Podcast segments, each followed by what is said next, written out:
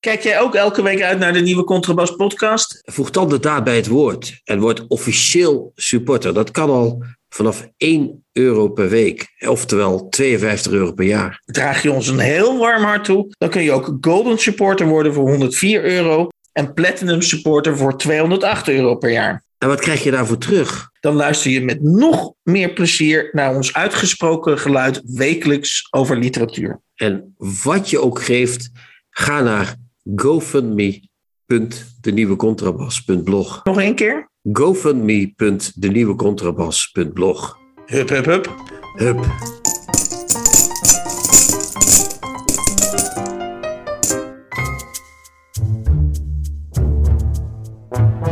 De nieuwe Contrabas.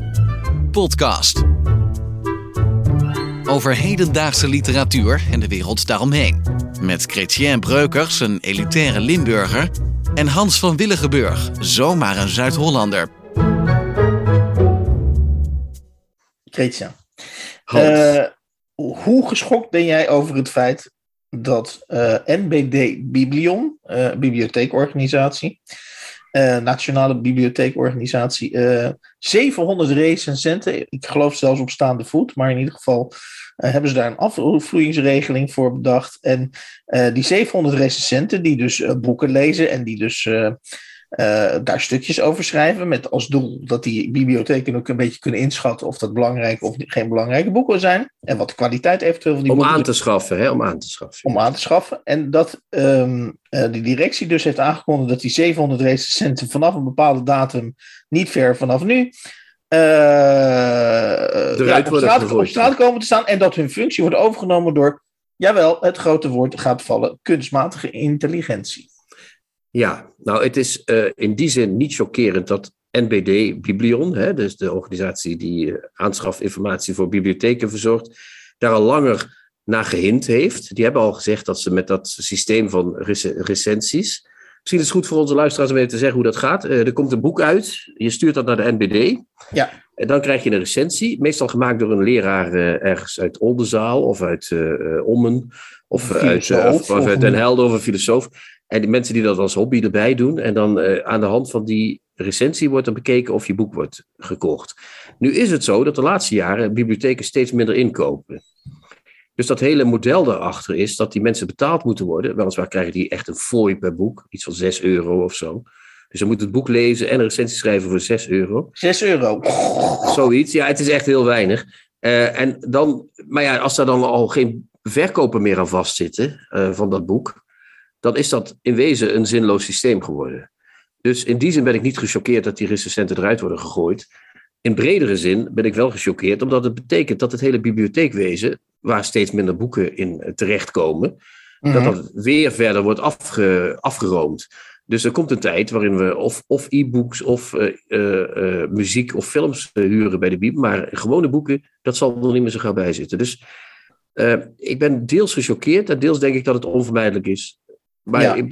ben ik te genuanceerd? Wil je dat ik eventjes de zweep Nee. erover haal? Of zo? Nou ja, kijk, eh, ik, ik, ik zou het in die zin iets zwaarder willen aanzetten als je dus niet meer de moeite neemt. Hè? Dan, en dan heb ik het even, nu de NBD gaat over Nederland. Hè? In, in België en Frankrijk heb je eh, ongetwijfeld dergelijke organisaties. ja, zeker. In België meer. als, als overheid, hè, want dit is een semi-overheidsorganisatie of zelfs helemaal een overheidsorganisatie, dat weet ik ja, dat niet klopt. Ja, ja. Eh, als je niet meer de moeite neemt om wat er aan boek verschijnt, om dat op een serieuze manier hè, eh, eh, te becommentariëren of te begeleiden. Al, al, al heb ik die tekstjes natuurlijk, hè, jaar na jaar zijn ze kleiner geworden. Op een gegeven moment zijn ze zo klein dat je inderdaad kunt gaan afvragen. Nu, nu worden ze zo betekenisloos. Dat, die laat, dat ben ik nou met je eens. Die laatste stap zie je dan aankomen. Van ja, ja er blijft nu zo weinig over. Hè, dus ik, ik, ik herinner me dat ik ooit een non-fictieboek heb geschreven. Daarvan waren de eerste zes zinnen dat er heel veel verstandigs in dat boek eh, stond. En in de zevende zin, en dat was dan ook meteen het einde van de recensie, was. Ja, dit, dit boek getuigt wel van een zeer elitaire visie op de maatschappij. Nou ja. Ja, Eh, en dan kun je 15, dus- 15 aankopen waarschijnlijk. Of zo. nou ja, goed. Af, Ja, precies. dus- Ja. Ja. Uh, dus je kunt je inderdaad afvragen wat er van die kwaliteit van die recensies is overgebleven. En dus kun je je ook afvragen, ja, wat is er dus eigenlijk verloren aan, aan, aan, die, aan die 700 recensenten waarvan jij al ja. zegt. Uh, ze krijgen er 6 euro, dat wist ik trouwens niet eens, maar jij zegt. Ja, zoiets, er, heel weinig. krijgen er 6 euro voor. Ik zal uit de schoolklap, ik ben ook recensent geweest voor NBD Biblion. Oké. Okay. Uh, toen kreeg je nog 7 euro, althans eerst iets meer en toen werd dat minder. En dat werd alsmaar minder, tot ik dacht van ja, dat ga ik niet meer doen. Maar ik had me opgegeven voor Nederlandse literatuur ja. voor poëzie. En daar kreeg ik ook wel eens wat van. En dat deed ik dan wel netjes, dat, dat recenseerde ik. Maar ik had me op een of andere manier ook opgegeven voor sport. En ik dacht dat ik dan sportbiografieën zou krijgen. Ja. Maar op een gegeven moment kreeg ik iedere week een boek over Pilates. Dat is een soort uh, fitnessgedoe. Of over uh, hoe word je gezond in 30 stappen. En uh, ik had elke week een boek daarvan. dus 50 per jaar. En ik, ja. durf, ik, ik ga nu uit de schoolklap. Ik heb nooit een van die boeken gelezen. En toch iedere, iedere keer, iedere week voor die 7 euro een recensie geschreven. En dat ja. waren de best verkochte boeken van mij, waren dat altijd. Dus dat waren die, die sportboeken, die werden flink gekocht door die bibliotheek. Ja. Dus, dan zei ik dus van, handige gids als je wil afvallen, bla bla bla bla bla. En dan moest je ook altijd eindigen met of het een grote letter was of een kleine letter. Want als mensen niet goed zien, dan kunnen ze met een kleine letter niks natuurlijk. Dus dan moet je zeggen, groot gedrukt. Stond er vanaf klein gedrukt. dat is echt vreselijk. Dus, dus eigenlijk maken die recensies ook geen rukken uit, Hans. Laten we eerlijk zijn. Het is gewoon, nee, maar... die bibliotheken kopen geen boeken meer. Dat is het eigenlijk. eh. Ja, maar het gevoel is in ieder geval dat, dat we... Uh, wat ik, en, en, misschien maak ik het nu te deftig en dan ronden we af. Gaan we naar het tweede onderwerp. Um, dat, dat, dat je als cultuur, oké, okay, het is wat gezwollen woord. Ja, ik ben het wel met je eens, denk ik. Maar dat ga maar. als je als cultuur niet meer registreert, of niet meer wil registreren, of niet meer door menselijke oog wil laten registreren, wat er verschijnt, dat je dat uitbesteedt aan cultuur, uh, sorry, kunstmatige intelligentie. Ja, dan, uh, en ja. laat ik dan rijk eens een recalcitrante opmerking maken. Hè. We, we, we, leven in een beetje in bange dagen. Straks worden we door Rusland overgenomen. We bewapenen. Uh, en, en we, we, we, hebben een hoge, we hebben een hoge uh, pet op opeens van onze vrijheidslievendheid. Maar godverdomme, als je, als je niet eens meer. en dus niet eens meer 6 euro, begrijp ik van jou, wilt, wilt besteden aan een, aan een menselijke inspanning om een boek te recenseren voor een bibliotheek. Ja, dan denk ik echt van waar, dan is het einde zoek in mijn ogen. Ja, dan dooft het licht, Hans. Dat is het. Ja, het is wat zwaar aangezet, maar ik vind het, wel, ik vind het dus wel shocking in die zin. Ik ben het met je eens. Ik ben het met je eens. Goed, dan gaan we naar uh, twee. Uh, Philip Huff, we hebben het eerder over hem gehad. Jij was gefascineerd door het feit dat een schrijver overnight, zei je geloof ik letterlijk, beroemd kan worden. Nou, dat is dus met het boek uh, of het nieuwste boek van Philip Huff uh, gebeurt. Uh, wat was ook weer de titel? Wat, wat we van bloed weten. weten. Ja, ja, ja, wat we van bloed weten. Zeg ik het nou goed? Want voor hetzelfde geld maken we hier een fout. Anders uh, corrigeren we het in de show notes, Hans. Okay, ik, okay, ik, ik, ga okay. het niet opzoeken. Maar dat, hij is beroemd geworden, dat wel. Ja, ja en um, met, met dat beroemd zijn komt ook een licht toefje. Hij had al Brani, want hij, hij zoals jij al terecht mem memoreerde, uh, uh, was hij al in verschillende kunstprogramma's, zat hij al lustig de goede van de slechte boeken te scheiden. De, de moreel juiste van de moreel minder juiste boeken. En ja. nu heeft hij dus een nieuw knuppel in het hoenderhok gegooid. Nu heeft hij uh, in de Groene, weet je wel, dat blad uh, waar ik ooit voor schreef. Ja, volgens mij heb jij daar een paar jaar voor gewerkt, Hans. Ja, dat klopt. Uh, dat, klopt. Ja, dat, dat is weer de derde aflevering al waar het in voorkomt. Gelukkig. Ja, ik ben blij. En ja. in, in, in, in, in de Groene staat dus een vragenlijstje voor schrijvers. Dat is een exclusieve rubriek waarin schrijvers worden geïnterviewd. Het zijn 21 vragen. En op een van die 21 vragen zegt Philip Huff, let op, Dostoevsky is een verschrikkelijke stylist en Tolstoy een oude hoer. Ja, nou, dat vind ik wel mooi gezegd van Philip Huff. Maar dan denk ik, ja, het is natuurlijk geen tijd voor jij bakken, Hans, want het is oorlog in de Oekraïne en zo, en het klimaat gaat kapot. Maar uh, dan denk ik, nou, Philip, uh, kijk eens naar jezelf. Goos. Wat is dit voor flauwekul? Ja, maar dat is, dat is brani die sommige mensen wel eens hebben, weet je wel. Dat is van, ja, nee, maar iedereen vindt dat mooi. Trouwens, in welk universum vindt iedereen dat mooi? Heel veel mensen vinden Dostoevsky nog Tolstoy mooi. Hè? Dat, die ja. kennen dat helemaal niet. Ik ken heel veel uh, mensen die nog nooit een letter Tolstoy of Dostoevsky gelezen hebben. Ja, en dan gaat hij zich eens afzetten tegen twee dode molochen. Dan denk ik, ja, dat is echt heel dapper is dat. En waarschijnlijk zijn ze ook nog wit dan. Hè? Dat zal het ook nog wel zijn. Terwijl ja. Philip Huff natuurlijk ook roonblank is. Nee, het is echt vreselijk. Ik vind dat Philip Huff, uh, dat die, die is beroemd geworden. Maar het wordt misschien tijd voor de grote vergeet...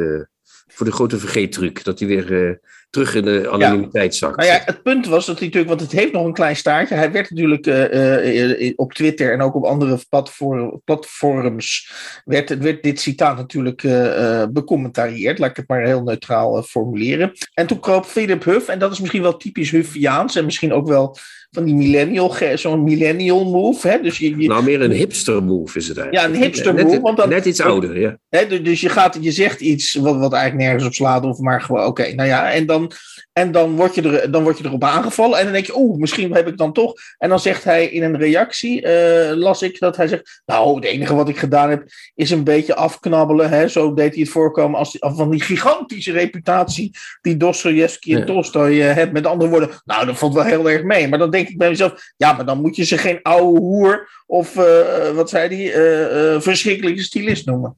Ja, dat, het is natuurlijk, hij zegt in dat boek zegt hij dat hij mishandeld is en dat hij gepest is altijd. Maar dit is ook een vorm van pesten wat hij doet nu. Hè? -hmm. Hij pest, hij pest en trekt zich terug. En hij zou zichzelf, uh, uh, bij zichzelf te raden kunnen gaan en kunnen denken: is dit nou precies de manier waarop Philip Huff later het boek wil staan? Als zo'n klein etterbakje. Ja. Dat eerst even schopt tegen een monument en dan zegt: ja, maar dat monument was ook wel heel groot. Dan moest ik wel even tegenaan schoppen of pissen, ja. weet je, of ja, zwaffelen, wat dan ook. Nou ja, okay. dus Philip Huff, hup, hup, hup, aan het werk. Dan hebben we op jouw verzoek, daar weet ik dus helemaal niks van. Ik heb alleen maar in, in mijn draaiboek staan. Arbeiderspers Cormac McCarthy. Ja, Cormac McCarthy, Hans. Ken je die? Ja, toch? Ja, als naam, ja, ja, ja. Als naam. Nou, hij heeft een prachtig boek geschreven. The Road, The Crossing. Uh, de beroemde film van de Coen Brothers. Uh, uh, hoe heet het? no Country for Old Men. Is naar een ja. boek van, van, van Cormac McCarthy gemaakt. En diezelfde Cormac McCarthy dus die is al behoorlijk op leeftijd. Hij is uit 33, het jaar waar mijn vader ook in geboren is. Dus die is nu 89. 89 ongeveer. Ja, en hij komt nu met twee nieuwe boeken. Dat is natuurlijk al fantastisch. Ja. Want hij is sinds 2006 geen boek meer van hem verschenen. En ik vind zijn boeken zo goed. Het is een soort. Ja, ik, ik, ik, altijd in het begin denk je, ik hou er niet van. Bijvoorbeeld The Road, een, een, een dystopische roman. Voordat de, de dystopische roman bestond, Hans. Althans, we worden nu gek gemaakt met dystopische romans. Mm -hmm. Maar dat gaat over een vader en een zoon die reizen door een soort post-apocalyptisch Amerika. En allemaal mensen zijn dood en ze moeten eten zoeken. En het is verschrikkelijk. Ze komen door dorpen waar niemand meer woont. Uh, in het begin denk je, gadver, wat, een, wat, wat interesseert mij dat? Maar als je twintig bladzijden van hem gelezen hebt, dan, dan zit je in zo'n boek en dan ben je helemaal gefascineerd. En het, hij schrijft het heel droog en heel Uh, okay. uh, hij heeft een stijl, jongen, echt om je vingers weer af te likken. Oké, okay, dus het, het, was meer een soort, soort, soort hoopgevend van hoera, er komen weer twee boeken van Cormac McCarthy. Ja, ja, en ze gaan heten de Passenger en Stella Maris. Dus het is ook, kijk, je hebt van die schrijvers die een, een land uh, uitbeelden. Hè? Je hebt, Mhm. -huh. Nederland wordt uitgebeeld misschien door Multatuli of door, door noem eens wat, Hermans of zo. Dat is echt een Nederlandse schrijver, hè? Ja. Die, die, kleinheid van Nederland. Ik heb altijd gelijk. Schiet me uit binnen, ja. Ja, dat is meer uh, Nederland op zondagochtend, vind ik dat. Ja, goed, ja. oké. Okay, maar dat is ook Nederland. Maar ik bedoelde, ik wou, ik wou toch iets hoger, als je met je welnemen wou ik de lat iets hoger leggen. Dan zeggen Hermans of, of, of, of uh, uh, Multatuli, wat ik zei. Weet je wel, van die schrijvers. Ja, oké. Okay, Zo'n ja. boek wat overal altijd wordt vertaald. De avonden van, van Dreven. Zo'n Ja. boek wat over Helle Haase boeken die overal altijd terugkomen, omdat ze nou eenmaal zo Holland zijn. En die zijn dan ook herkenbaar. Niet zozeer herkenbaar, maar dan denken mensen, ja, dat is Holland of dat is Nederland. Ja. Uh, en Amerika denk ik altijd aan, uh, ja, dan denk je natuurlijk aan, de, aan uh, Joan Didion of aan Hemingway of weet ik veel. Maar ik denk ook aan Cormac McCarthy. Dus ik ben heel, eh, ja, zoals jij zeg maar met jouw Franse eh, vriend Wellebeck hebt, zou ik, ben, ik vind dat we, als dit uitkomt, die twee boeken, The Passenger ja. en wat zei ik, Stella Maris, dan moeten we daar, daar moeten we iets mee doen. Dat kan niet anders. Oké, okay, dus je bent... Je Mijn bent... hartje klopt van verwachting, vol verwachting, ja. Oké, okay, oké. Okay. Uh, dan uh, nog even een korte terugblik. We hebben twee uitzendingen geleden, als ik het wel heb, hebben we uh, de roman Help me even van Amy Koopman. Tekenen van het universum. Tekenen van het universum. Nou, jij kwam woorden tekort, ik overdrijf niet, om dat boek in de lucht te steken. En ja. Amy Koopman was logischerwijs ook verguld uh, met, met, met de manier waarop we aandacht aan haar boek hebben uh, besteed. Maar de harde werkelijkheid, en dat vond ik uh, misschien toch wel goed om ook even te bespreken. Zij heeft dus de pech dat zij haar boek exact ex equo, of in ieder geval gelijktijdig uitkomt met het boek van, van die jongen waar we het net over hadden, Philip Huff. En ja, wij kunnen dat boek wel de hemel in prijs. Maar ik heb het idee dat dat boek van Philip Huff en dat daar zoveel aandacht van die uitgeverij opslokt. Dat, dat wij nog honderd keer kunnen zeggen dat Amy Koopman een fantastisch boek heeft geschreven. Maar als zo'n uitgever even net de andere kant op kijkt, of er ligt net een ander boek of een ander dossier op tafel waar ze me vol voor, voor gaan in de publicitaire zin, ja, dan valt dat zomaar dood. Dus mijn vraag is eigenlijk, Christian, moeten we, de, moeten we Amy nog niet nog een keer een, eh, een handje helpen? Nou, dan wordt het een beetje, dan worden we wat plakkerig worden we dan, hè? Dan, dan wordt het een beetje, maar, maar kijk, wat, wat zo is, is dat dat boek van Amy Koopman zal nog gelezen worden als Philip Huff uh, waarschijnlijk uh, de post rondbrengt in Bloemendaal. dus in die zin kan Amy zich gerust weten.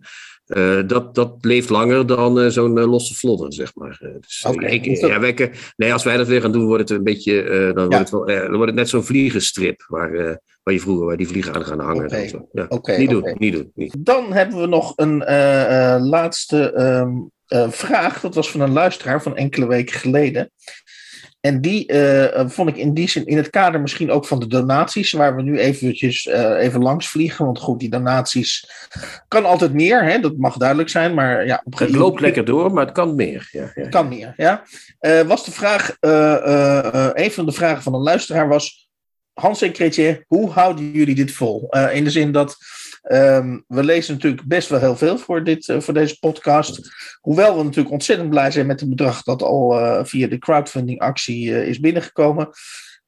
is het natuurlijk by far nog geen, ja, ge geen uurloon waar je. ik denk dat wij ongeveer op een uur, uurloon zitten van, een, van, een, van, van zo'n zo'n maaltijdbezorger. Ik denk dat, dat het. Dat is een niet... medewerker van Amazon in een magazijn, denk ik. Ja, zoiets. zoiets. Dat is meer dan genoeg, Hans. Meer dan genoeg. Nee, nee, nee, is lang niet genoeg natuurlijk. Nee, nee. Uh, hebben wij, hebben wij, uh, is hier een, een gouden formule of zeggen wij gewoon van wij zijn gewoon fanatieke literatuurlezers uh, en zo houden wij dat vol? Of hebben wij een geheim? Nee, we hebben geen geheim. We houden het vol. En het gaat vanzelf meer worden. Dus het is gewoon een kwestie van ausdauer, Hans. Ik, ik moet altijd denken aan die anekdote van Georg Steiner. Die was bij een of andere, bij, ik denk bij Lukács geweest thuis. een literatuurwetenschapper. was, ja. een, een oude literatuurwetenschapper. En uh, Lukács die uh, zat daar uh, voor zijn verzamelde werk in 25 delen. En toen vroeg Steiner van, meneer Lukács, hoe heeft u dit toch allemaal bij elkaar geschreven? En toen zei Lukács, huisarrest, Herr Steiner, huisarrest. Ik denk dat we daar ons aan moeten spiegelen. We moeten gewoon doorgaan. Dat is het enige wat erin zit. ja. Tips van de week. Boeken, artikelen of pamfletten die boven het maaiveld uitsteken. We gaan twee boeken bespreken vandaag. En het eerste boek is Sneeuw, hond, voet. Originele titel. Uh, Van Claudio Morandini. En het is verschenen bij uitgeverij Koppernik. Ja. Ik, uh, ja, nou ja, goed. De, de, de standaardvraag, en de, de, de, daar beginnen we gewoon mee, is... Uh, Christian, wat, wat, wat, wat ben je in dit boek tegengekomen en kon het jou bekoren? Nou, ik ben erin tegengekomen, Hans, een Italiaan die in de bergen woont. Does it ring a bell to you, uh, Hans? Of Daar hebben we er meer van, hè? ja, we hadden Cognetti, enige afleveringen geleden. Ja. Uh, die, die, die infame Italiaan met zijn cliché-boek. waar we toen terecht een kleine petwals overheen hebben gereden, heen en terug. Maar dit is toch wel een hele andere Italiaan in de bergen, vind ik, of niet? Ik heb hier tenminste, als ik erin. Wat, oh, je vroeg wat ik erin aan had getroffen. Hè? Ja. Ik heb een Italiaan in de bergen aangetroffen. En die, die Italiaan die daar gaat het niet zo lekker mee met die Italianen in de berg, toch? Nou, ik, ik, ik, ik, ik denk dat dit boek, uh, tenminste zo heb ik het gelezen, ik denk niet dat het komisch bedoeld was, of is, uh, toen het geschreven werd. Maar ik heb me ontzettend vermaakt. Om, ik vind het eigenlijk een dolkomisch boek. Al, al besef ik heel goed dat het, dat het waarschijnlijk niet de bedoeling is dat je er constant om lacht. Maar nou, dat, als je, dat als je dus iemand, dus Als je, als je de hoofdpersoon, uh, uh, ik ben even zijn naam kwijt. Adelmo Farandola. Oh ja, dat wordt wel honderd keer gezegd. Andelmo, ja, ja laten we hem even Andelmo noemen. Ja. Als je, die, als je in het eerste hoofdstuk um, uh, Andelmo uh, naar beneden. Uh, Andelmo woont dus in de bergen en gaat dus boodschappen doen in het dal. En vervolgens laat je hem daar boodschappen doen. En, met, met, met als commentaar van, de, van degene in de drogisterij, zeker de supermarkt. Ja, dit zijn precies de boodschappen die je vorige week al hebt gedaan. Maar dat is toch ook komisch? En, en, en vervolgens de hoofdpersoon uh, uh, die dit, die, die, die dit uh, ten zeerste bestrijdt. Dus hij, of, hij heeft, of hij is vergeten dat hij die boodschappen gedaan heeft. Of, of hij heeft inderdaad die boodschappen niet gedaan. Of die winkelier is dus gek of, of, of treiterig door te zeggen dat het precies de boodschappen zijn die hij de vorige keer al gedaan heeft. Als je op die manier een boek begint, uh, al snel kom je er natuurlijk achter dat hij inderdaad vergeten is, want hij komt dan vervolgens thuis en ziet inderdaad die boodschappen staan, die hij dus in het dal heeft willen kopen. Ja, dat vind ik al zo. Dan, dan heb je de hoofdpersoon al op een dusdanig grappige manier gedisqualificeerd. Dat je eigenlijk weet, alles wat die hoofdpersoon vervolgens denkt of, of voelt, dat moet met een korreltje zout uh, worden genomen. Maar ja, dat, dat, dat is nou juist de gein van dit boek, volgens mij. Nou, nee, volgens mij zie je het toch goed. Uh, alleen denk je dat je het niet goed ziet. Het is een heel komisch boek, omdat die man, die vergeet alles. Dus die weet niet precies wat hij zegt. Dat is het komische aspect van ja. het boek. Dat is één. Ja. Het tweede is dat die man het hele boek door niet weet wat hij zegt. Dus hij woont in een soort uh, gebied in een soort vervuild huis. Waar die, uh, wat van hem is. Want uh, je krijgt ook de suggestie gaandeweg het boek dat hij heeft dat in eigendom. Dat stuk, ja, uh, stuk dal of dat stuk die bergkom. Dus, dus hij vergeet alles, maar hij, hij is wel grondeigenaar. Ja. ja, en hij heeft een broer die mede-eigenaar is van een heel gebied daar in die streek. Klopt. Hij komt een hond tegen waarmee hij gesprekken begint. En die hond die, die merkt ook dat die man vergeetachter is. Dus dat vergeetachter zit door het hele boek. En uh, het, het hele boek is volgens mij een heel komische, maar ook tragische, dus een tragicomische, zouden we bijna kunnen zeggen, uh, reflectie over het uh, langzame afsterven van die man. Dat is wat het volgens mij is, of niet? Ja, ja. En, Je merkt, en, langzaam glijdt hij uit de tijd. Hij is er echt uit weg aan het uh, Zeker, zeker. En, en, het, en het, een deel van het, van, van, het, van het bijzondere aan dit boek is dat, denk al in hoofdstuk drie of vier, tegen hem als pratende hond wordt geïntroduceerd. En dat ja. jij... De, en, en dat jij uh, natuurlijk wel als lezer denkt: hé, hey, deze hond gaat praten. Uh, dus je markeert wel even het moment dat je denkt: hé, hey, deze hond die kan meer dan alleen blaffen, die kan meer dan alleen woef zeggen. Maar gaandeweg, en dat is dus het, meesterschap van die Claudio Morandini. Ja, uh, accepteer je niet alleen dat die hond gaat praten, maar denk je ook bij jezelf: ja, dit had die hond, dit had die hond kunnen zeggen. Ja, die hond wordt, uh, ja, dat, dat, dat zeg je goed. Het is een, uh, ja, wat is het? Is een geloofwaardige hond. En dat ja, is dus heel knap van Morandini. hond, ja. Ja, want, want het is namelijk in een boek zo, dat heb ik uh, geleerd. in een boek is alles wat erin staat, als het geloofwaardig is, klopt het in het boek. Nou, en dit klopt in het boek volledig. Ja. Morandini heeft hier een hond opgevoerd die werkelijk, ja, die hond weet ook meer dan die man, maar die moet die man soms een beetje helpen of proberen de goede kant uit te, te, te ja. duwen. Uh, het kan ook zijn dat die man die hond verzint natuurlijk, hè? Dat, dat weten we niet zeker. Die man nee, dat, dat is... is ook, maar, maar wat ik ook knap vind, uh, uh, en, dat, en, dat mogen we zeker niet vergeten, is dat onder het motto van een wat zonderlinge man die vergeetachtig is, en waarvan jij inderdaad terecht zegt, die sterft dus eigenlijk lang, beetje voor beetje af in dit boek, is dat hij onderweg, en hoe, gegeven het feit dat hij natuurlijk een heleboel waandenkbeelden heeft en dat hij een heleboel dingen zegt die misschien niet kloppen. Hij natuurlijk en passant, dat vind ik het knappe aan dit boek, uh, eigenlijk hele zinnige dingen zegt. Dus hij zegt bijvoorbeeld, uh, dal verder, waar, waar dus ontzettend veel herrie is. Hij suggereert dat daar wintersporters zijn, dat daar feesten zijn, uh, dat daar de consumenten, zeg maar, de consumenten... Want dat is het eigendom van zijn broer, is dat, hè? Dus ja, dat, dat is het eigendom van zijn broer, inderdaad, ja.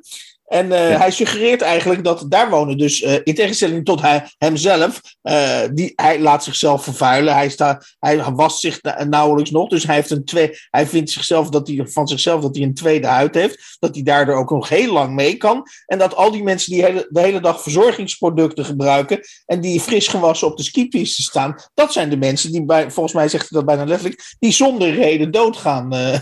Ja, ja, precies. Hij ziet zichzelf als ja, iemand die echt uh, die, die, het juiste in, uh, die, die het juiste leven in, in petto heeft, zeg maar. Ja, of in, in, in pacht heeft. Maar ik denk ook dat het. Uh, kijk, het boek is. We, we, hebben dat al gezegd. Het is een tragicomische reflectie. Waarin ja. die man inderdaad, zoals jij zegt, gekke dingen doet. Of dat je denkt van wat weet hij nou nog precies waar hij mee bezig is of niet. Het is natuurlijk ook een fabel, hè? want het gaat over een man die op het verlaten stuk van de berg zit. En zijn broer zit in het drukkere stuk van de berg. Ja. Tenminste, dat wordt gezegd. Ja. En die man krijgt gezel, heeft maar één, die man heeft maar één gezelschap, dat is de hond. En Ja. in de, trouwens, in de winter gaat hij ook nog eens hoger op de berg wonen, want dan komen er misschien wel drie mensen per seizoen bij hem langs. En daar moet hij ook niks van hebben. Dus die man is de afgesloten kant van de wereld. En de rest van de wereld is de drukke kant van de wereld. Ja, en- dat is de en- fabel ook een beetje. En die druk, en die, ja, maar je moet me nu ook even. Ja, ja, ja, sorry. Die, die, die rustige kant van de wereld, die sterft eigenlijk langzaam af. Dat is de fabel volgens mij van het boek. Langzaam maar zeker gaat die kant waarin mensen lekker ongedoucht rustig aan leven en gewoon maar een beetje met de seizoenen meeleven. Want, want op het eind van het seizoen in de winter, dan verhongert hij ook bijna. Maar hij kan en geen boodschappen meer doen en hij heeft geen boodschappen meer over. Ja. Dus die, die, die kant, dus echt met het seizoenenleven, sterft af. En die drukke kant heeft het gewonnen. Dat is denk ik waar dit boek ook over gaat. Ja, zeker. En, en dan mag volgens mij nog één personage absoluut niet ontbreken. Dat ja, is de jachtopziener. Ja, de ja, jachtopziener, precies.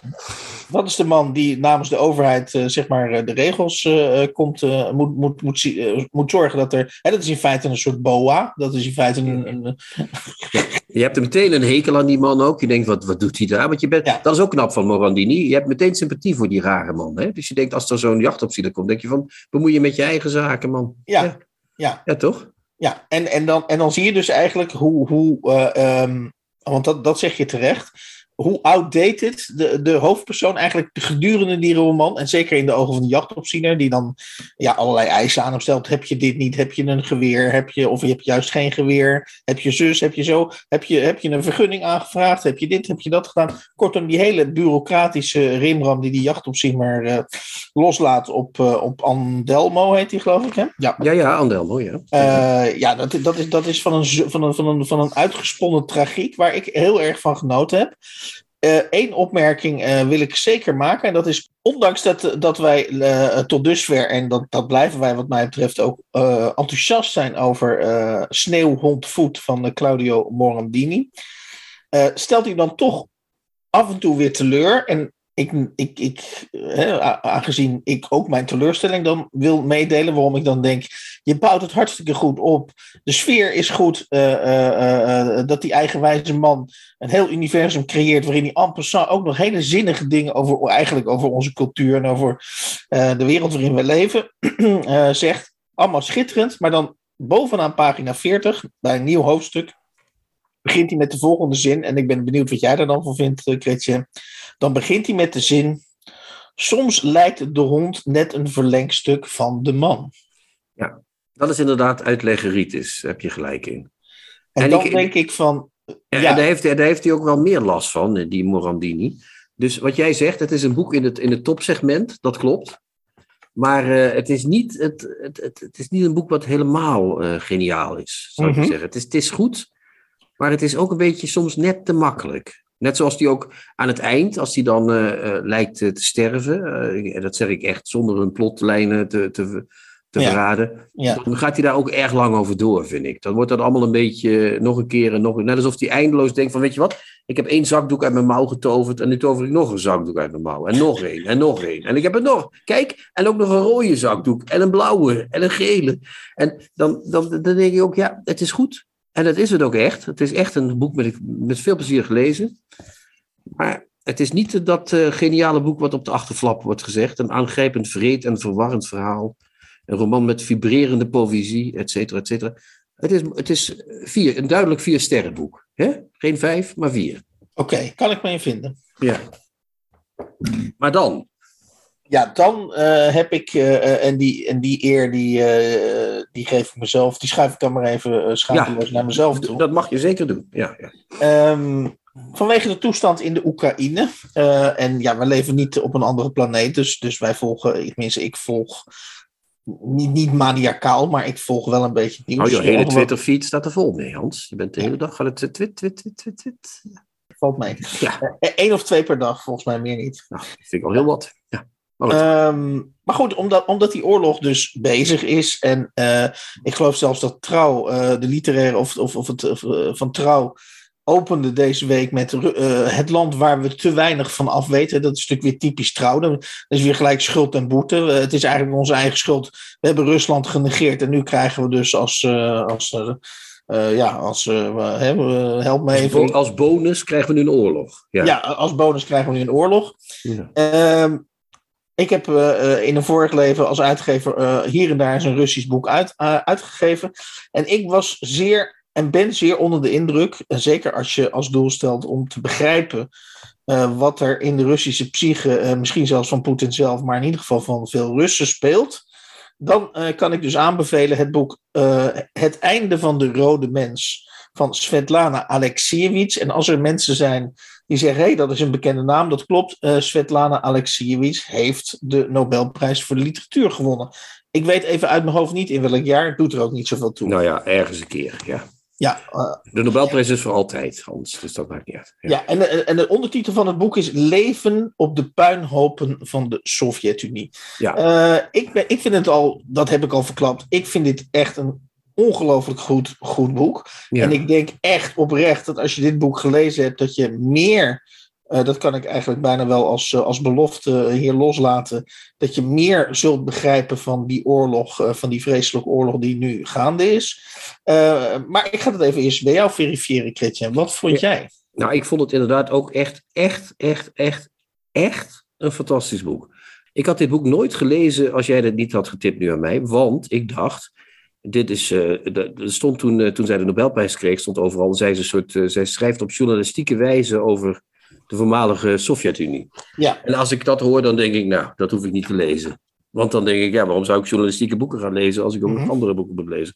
Maar ehm, eh, zij, zij eh, hanteert een methode eh, in dit boek eh, die mij enorm aansprak en die mij doet denken aan ehm, eh, Walter Kempowski. Ken je die ook, die naam? Ja, hè? die hebben Ja, we die wel ken ik eens, van eh, naam. Ja, ja, ja. ja, die heeft even boeken geschreven, bijvoorbeeld Haben Sie Hitler gezien? Dus dat, gaat allemaal, dat zijn allemaal uitspraken van mensen die Hitler nog in het echt gezien heb- hebben. Mhm. En die zet hij achter elkaar en die componeert hij op die manier als verhaal.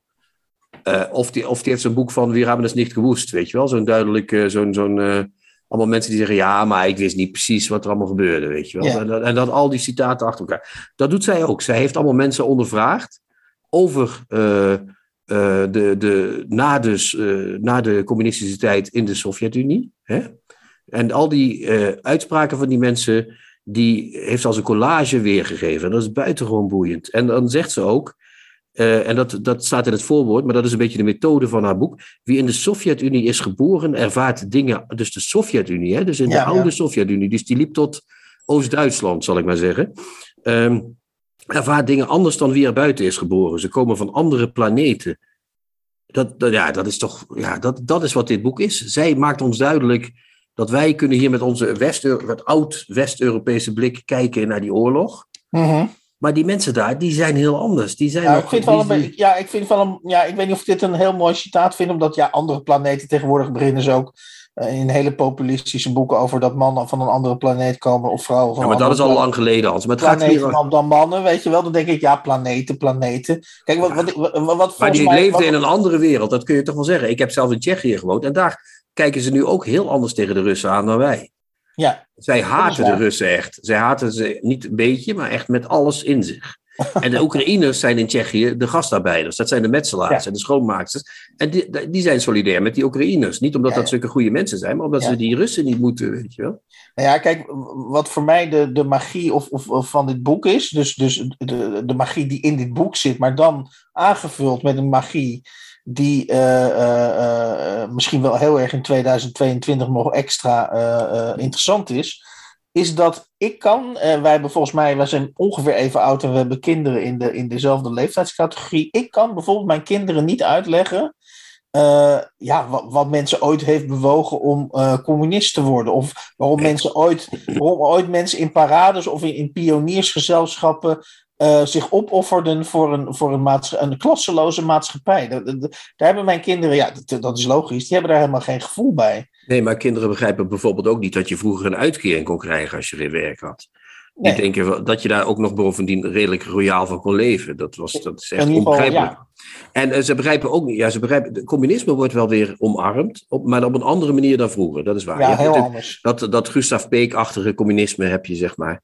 Ja. Eh, dat is een ander communisme dan vroeger. Maar inderdaad, die dingen uitleggen is niet te doen. Maar wat wij ons, en dat zit ook in dit boek, maar we gaan daar nog een beetje meer vertellen wat er allemaal in staat. Maar wat wij ook niet begrijpen is volgens mij, wij begrijpen, en dan nu ga ik iets heel lelijks, uh, GBJ Hiltermans-achtig zeggen, maar wij begrijpen de Rus ook niet.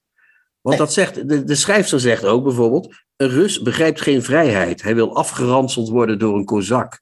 Ja. Als ik zo'n zin lees, dan ben ik gechoqueerd. Maar zij, zij, volgens mij bedoelt zij dit echt heel serieus. Dus Zeker, Rus, zeker. Rus begrijpt geen vrijheid. Dat begrijpt hij gewoon niet. Die denkt van, wat lullen die mensen over vrijheid?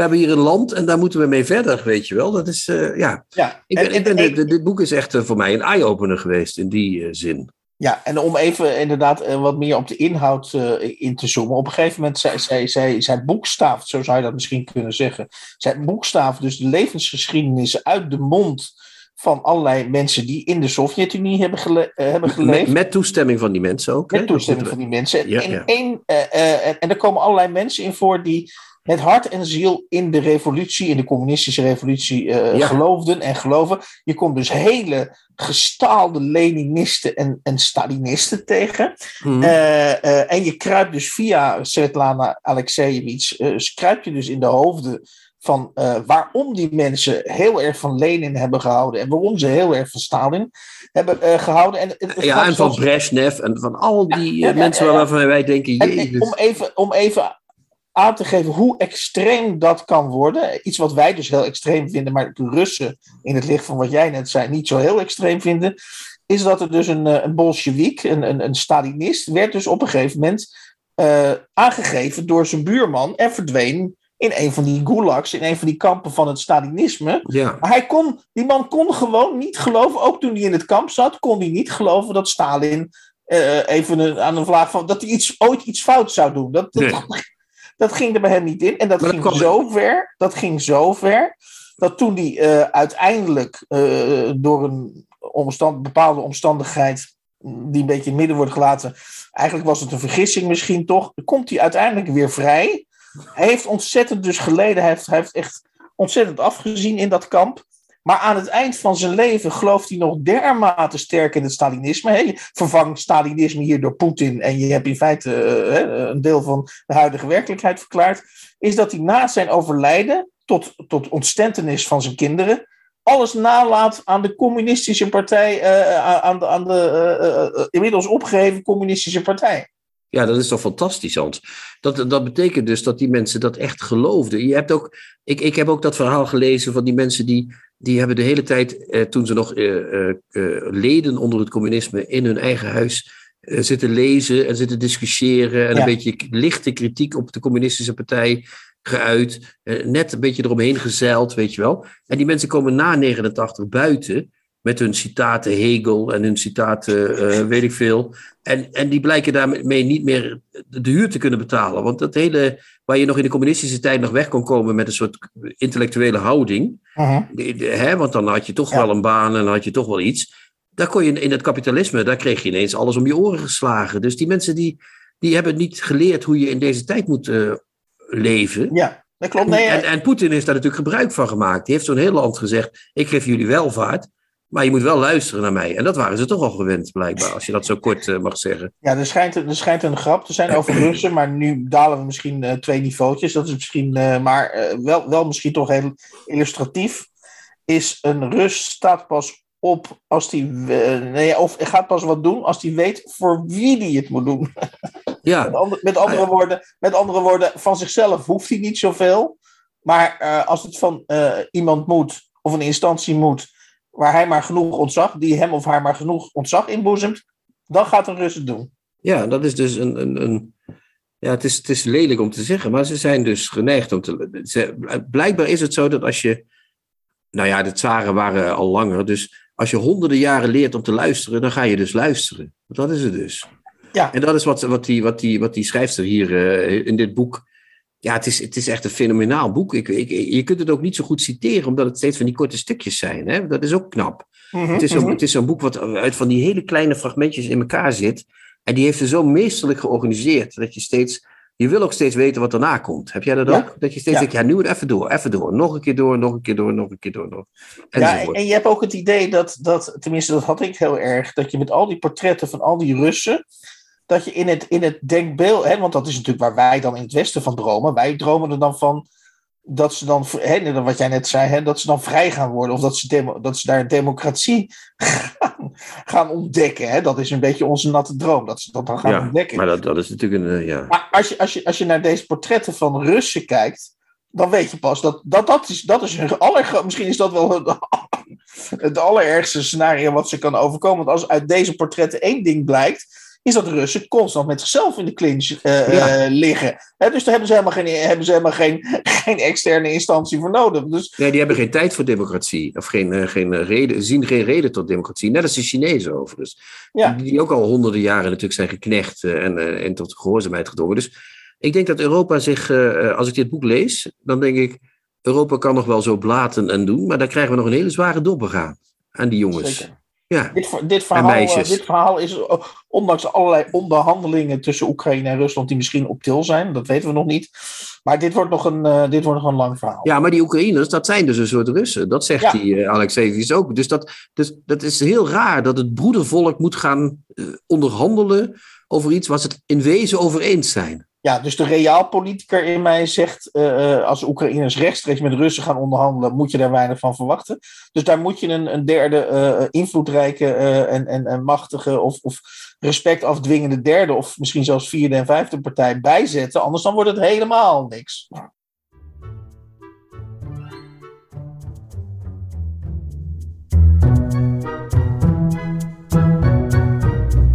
De nieuwe contrabas. Podcast. Welkom Louis van Kelkhoven. We zijn bij elkaar hier eh, vandaag omdat er een boekje is verschenen van Nanne Tepper.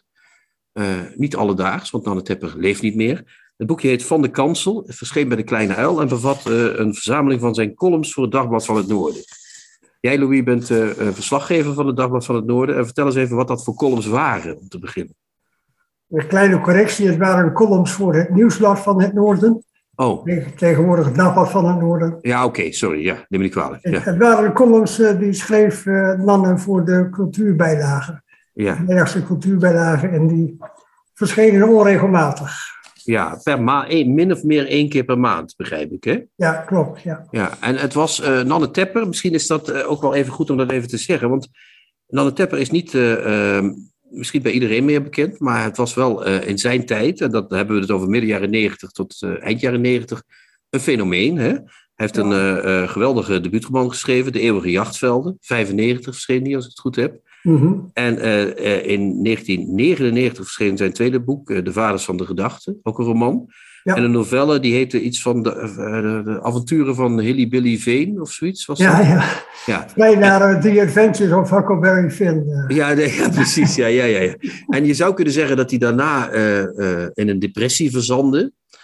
En het gekke is dat die columns een beetje in die, dep- in die depressieve tijd verschenen. In die depressieve spatietijd verschenen. Maar dat merk je niet zo. Hij was toch nog behoorlijk eh, spits. Ja, nou, volgens mij verschenen zijn columns ook niet in die depressieve periode. Maar juist in een periode dat alle sterren heel goed stonden voor hem. Oké, En Ja. daarna ging het eigenlijk helemaal fout. eh. oké.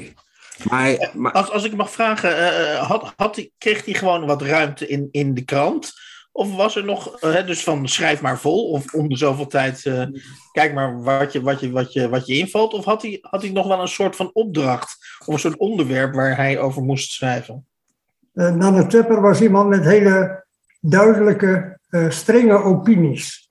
En die vielen in de smaak bij de kunstchef van die tijd, van Nieuwsblad van het Noorden, Eddie Schaafsma. En die gaf hem, eh, die herkende ook wel het, eh, nou het stilistische fenomeen wat eh, Nanne ook was. En die gaf hem één keer in de maand ruimte om een donderpreek te houden. En, Oké. dus dan kon hij al zijn boosheid ventileren op een plekje in de krant. Oké, je hebt die nou bij elkaar gebracht, samen met eh, eh, Herman Sandman. Ja. En als je die zo doorneemt, denk je dan van, ja, dat was wel wat? Of wat, wat is jouw beeld van, Ja. van, van zijn donderpreken? Kun je daar iets over zeggen? Nou ja, je kunt er nog steeds van genieten. Ja, Ja, omdat, omdat- hè, van, van, van zijn brani en zijn eh, nou, stilistisch vernuft, zal ik maar zeggen. Mhm. En, ja, weet je, natuurlijk zijn dingen gedateerd, maar ja, dat eh, kun je ook zeggen van de muziek van de Eagles en Fleetwood Mac. Maar ja, dat eh, draai ik Ja, ook nog steeds graag. ik, weet, ik, denk dat hij zich wel in zijn graf omdraait als je deze vergelijking maakt. dat, is, dat is weer wat anders. Maar, maar, maar, maar, maar, maar je hebt het inderdaad over een duidelijke opinie. Hij heeft, eh, als ik het zo lees, hè, hij is echt over tegen, nou ja, bijna tegen iedereen. Als je het zo kunt zeggen. Ja, hij, Op een hele enkele uitzondering naar. Eh, dat is sympathiek, vind ik zelf. Ik hou wel van mensen die eh, overal tegen zijn. Maar ik denk ook wel als jongen, je maakte het jezelf wel behoorlijk lastig, of niet? Eh, Ik weet niet of hij het zichzelf lastig maakte. Hij was gewoon zo. En Ja. in het in memoriam, wat ook achter in het boekje staat van Bram Hulzenbos, dat heet De boze jas van Nanne Tepper. En, en zijn, zijn ex-vriendin Sonja Leijners, die zei ook, zegt ook in dat stuk van, als Nanne naar buiten ging, spreekwoordelijk, dan deed hij zijn boze jas aan. Dat was zijn manier om zich te wapenen. Is dat nou typisch Gronings, Louis? Sorry dat ik even de regionale kaart trek. Nee, ik denk niet dat dat een typisch Gronings trekje is, want eh, meestal zijn wij van eh, laten we gewoon heel gelaten over ons heen komen en eh, zien we wel hoe de wind uiteindelijk waait.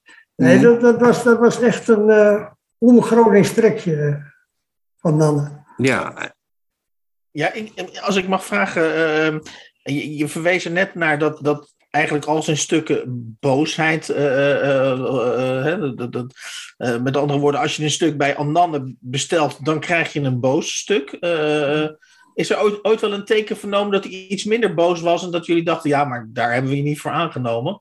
Dus eh, eh, eh, oh, waar ook de vraag in vervat zit, alles wat hij inleverde, werd dat zonder titel of jota rechtstreeks in de krant gezet? Of accepteerde hij, eh, hem kennende, hij was overal tegen, of accepteerde hij een redacteurshand hier en daar?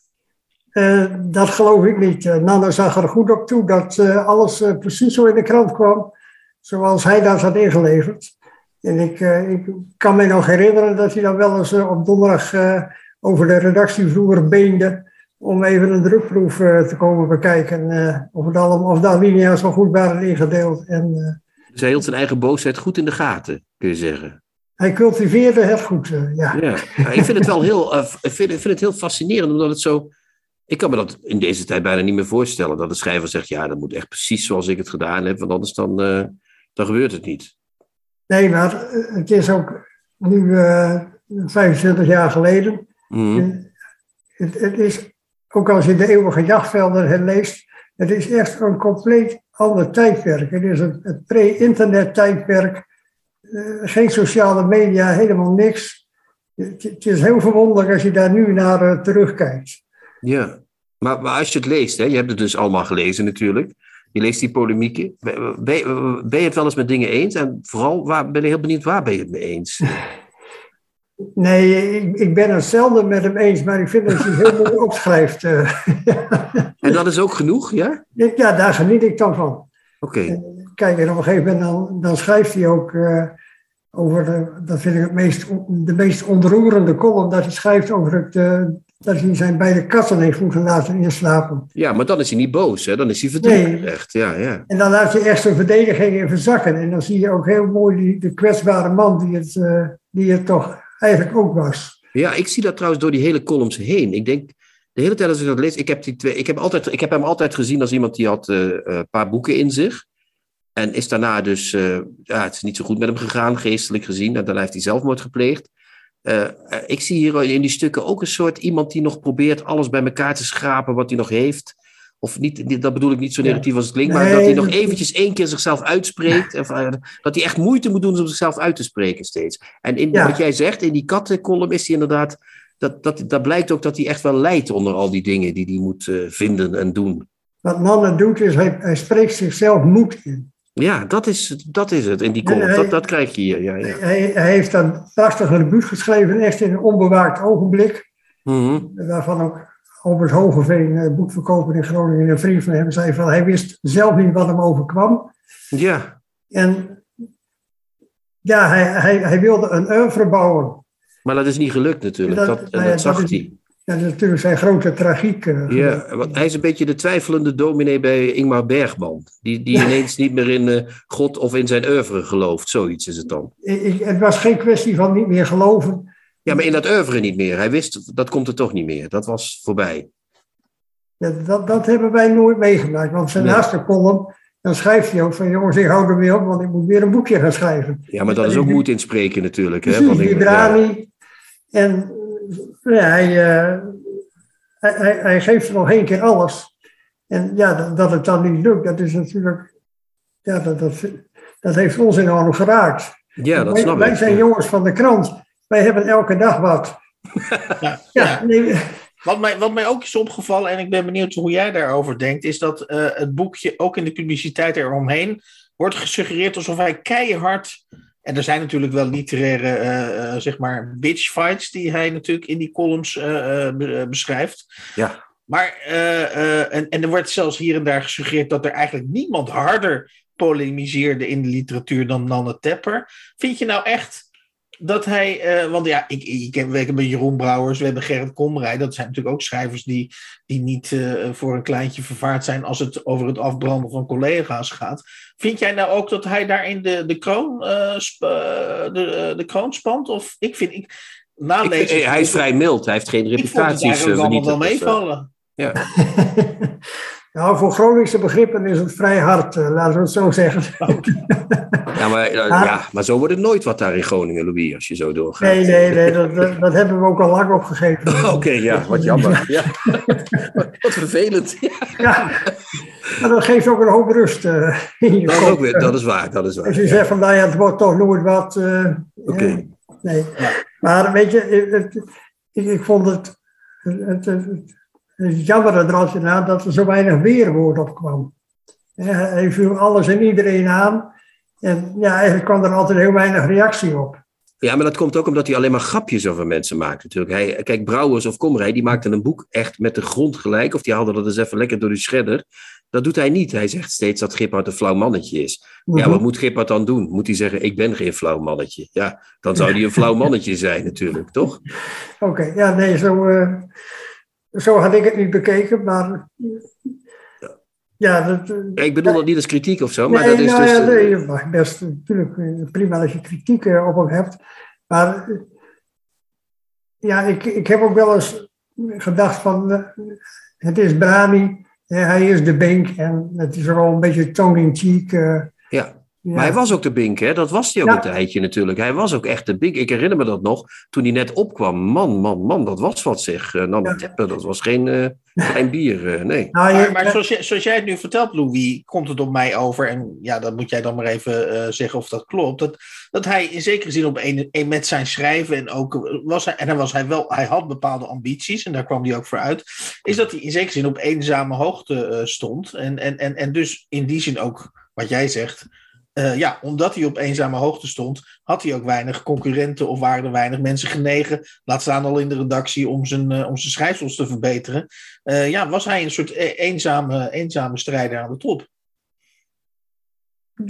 nou ja, aan de top weet ik niet, maar het was, Ja, ja, een, goed. het was een eenzame strijder. eh, ja. Ja, ja. Ja. precies. Ja. Dus het, en, en ja, het- fenomeen Tepper kende zij gelijk ook niet. eh, en dat was vroeger op het schoolplein of zo. En dat was eh, later in de stad Groningen. eh Niet was eigenlijk net zo, ja. Ja. Een, beetje, een beetje de Herman Brood van Groningen, als ik het zo hoor. Ah, ja, hij was wel eh, rock and roll natuurlijk. Hè. ja, dat bedoel ik. Ja, ja, ja, ja. En dat, eh, ja, dat was iemand, hij had iets, een soort charisma.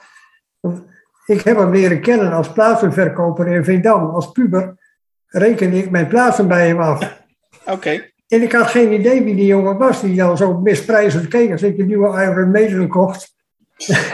Dat- dat- Dat is ook heel erg, Louis, dat je die kocht. ja, ja, nee. ik, ik heb zo mijn jeugdzondes. Ik heb er niet er geen misverstand over staan dat je niet deugt als je zo'n plaat kocht. Ja, echt waar? Dat was het Ja, ja, daar kreeg je gratis een misprijzende blik bij. ja, ja, ja, wat goed. Ja. Maar ik kende die jongen niet. Maar je vergat hem nooit weer.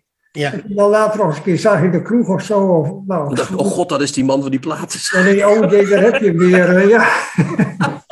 Louis, zou, zou je tot slot wat mij betreft van dit gesprek, zou jij eh, aan de luisteraars van de nieuwe Contrabas eh, misschien een, ja, een goede reden kunnen geven waarom die mensen eh, eh, er verstandig aan doen om eh, naar de boekwinkel te lopen of misschien wel naar een internetboekwinkel eh, te gaan en deze columnbundel van Nanne Tepper aan te schaffen? Wat, eh, eh, heb je niet een mooi eh, klein, klein advertentiezinnetje? ja, dat had ik wel graag even willen voorbereiden. Maar. Nee, dat, dat is juist beter als je dat niet doet. oké. Eh, Je moet nu uit je hart spreken, Louis. Ik weet Ja, niet nou of ja, krantenmensen nog een hart hebben, maar... Jawel, ja. Een hart van papier. Ja, precies. Ja. Laat maar komen. Ja. je moet uh, van de kansel kopen omdat het uh, toch briljante polemiek is, mooi geschreven. Het geeft een goed tijdsbeeld. En uh, ja, het is kort, het is klein, je bent er niet veel tijd mee kwijt en je hebt er heel veel plezier van. Zie je wel dat het kan, Louis? Hè? Daar hoef je helemaal niet op voor te bereiden. helemaal nergens voor nodig. nee, dat was heel leuk. Ja, dank. Okay. Ik vond die anekdotes over Veendam. Ik wist niet Ja, dat hij uit was Veendam... geweldig. Kwam die uit Veendam dus? Was hij daar geboortig? eh, vandaan? Nee, oh, oh, dat, oh, dat mag je niet zeggen. Eh, hij was geboren in Hoge Zand. Hoge Zand ook nog. En da- da- daarom is het de moeite waard om eh, de avonturen van Hillbilly Veen toch even Ja, te lezen. Daar zit dat in. Ja, dat klopt. Ja, Daar ja, zit dat in. En dat, eh, dat, dat heeft iets met hem gedaan, dat hij vanuit dat oude, oude Hoge Zand, hè, vanuit een oude huis, naar die vreselijke nieuwbouwwijk in Veendam verhuisde naar de Parkstad. Ja, dat is dus autobiografisch. Dat, dat Ja. Is, ja, ja, ja. Ja, dat hele, hele, Billy- hele Billy Veen is autobiografisch. Oké. eh, Maar hij werkte daar dus echt in een platenzaak. ja, En hij stond daar in een plaatsenzaak en dan eh, nou ja, met, met een vriendje van hem en dan ging het over jazz, rock en nou ja, allerlei namen waar ik er nooit van gehoord had. En John McLaughlin. kwam je weer eh, met je Iron Maiden LP Ja. aan. Pink Floyd vond hij wel goed trouwens. Gelu- Gelukkig was het geen status quo. Dat was nog erger. Nee, zo verstandig was ik al wel. Oké, dat hoop ik ook. Ja. Nee, geweldig. Ja, ik vond het leuk. Dankjewel. nou, Zeer bedankt. Ja,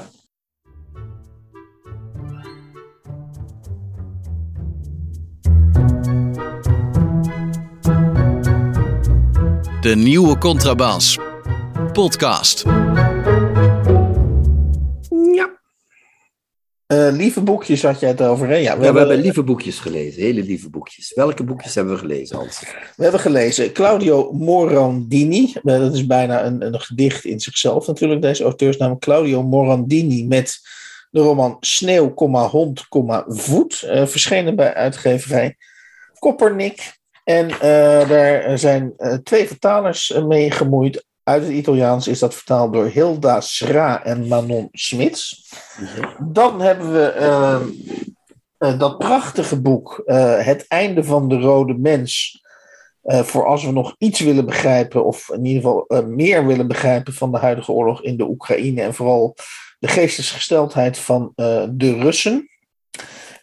Dat boek is uit 2015, eh, is verschenen bij De bezige eh, bij. De Bezige Bij en is vertaald door Jan Robert Braat. Eh Svetlana Alexievich, Het einde van de Rode Mens, met als ondertitel Leven op de puinhopen van de Sovjet-Unie. En dan hadden we natuurlijk dat prachtige boekje eh, van Nanne Tepper van de Kansel. Verschenen bij uitgeverij De Kleine Uil. Verzamelde columns in het Dagblad van het Noorden, als ik het goed zeg.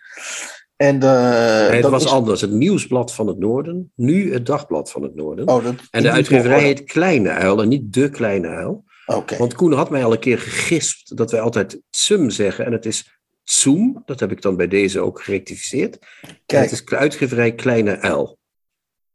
Prima. Nou, zijn we, zijn we wat dat betreft administratief weer rond. Eh, dan nog even eh, eh, het, het, het, het, het donatiegebeuren. Ja, dat valt het niet helemaal stil. Maar de loop kan er wat harder in, lieve mensen. Ja, Eh, dus, iedereen denkt wel dat wij die dreigementen over zwart luisteren niet zullen nakomen. Maar die, zo werkt dat hier niet, Hans. Hè? Aan, de- ja, op de heb, je, heb, achtergrond- je, op heb, de- je, heb je al contact met een uitzendbureau die al... Ik, eh, al- ik, ik heb Roemeense contacten die daar eh, binnenkort. die stappen binnenkort in het vliegtuig als het niet een beetje beter wordt. Dan, en dan zullen we nog eens wat zien hier. Oké, dus daar, donaties. daar, daar kunnen die Tsjetsjenen nog een eh, voorbeeld aan nemen Ja, waarschijnlijk. die zijn veel erger dan die Tsjetsjense troepen in de Oekraïne, Hans. Veel erger, veel erger. Goed, dus laat het niet zover komen. Maar we dreigen niet, Hans. Laten we dat Nee, we duidelijk dreigen niet. Nee, Laten we nee, dat duidelijk zeggen, ja. Maar lieve luisteraars, laat het niet zover komen. Laten, we, Nee. laten we die, eh, eh, die zinloze vliegkilometers, eh, eh, laten die Roemenen Ja, die niet Beter voor het milieu maken. ook. Ja, beter voor het milieu. En we blijven van jullie houden natuurlijk. Chin chin, ciao ciao. Ciao, ciao. Kijk jij ook elke week uit naar de nieuwe Contrabas podcast? Voeg dan de daad bij het woord en word officieel supporter. Dat kan al vanaf 1 euro per week, oftewel 52 euro per jaar. Draag je ons een heel warm hart toe, dan kun je ook Golden Supporter worden voor 104 euro en Platinum Supporter voor 208 euro per jaar. En wat krijg je daarvoor terug? Dan luister je met nog meer plezier naar ons uitgesproken geluid wekelijks over literatuur. En wat je ook geeft, ga naar gofundme.denieuwecontrabas.blog. Nog één keer? gofundme.denieuwecontrabas.blog. Hup, hup, hup. Hup.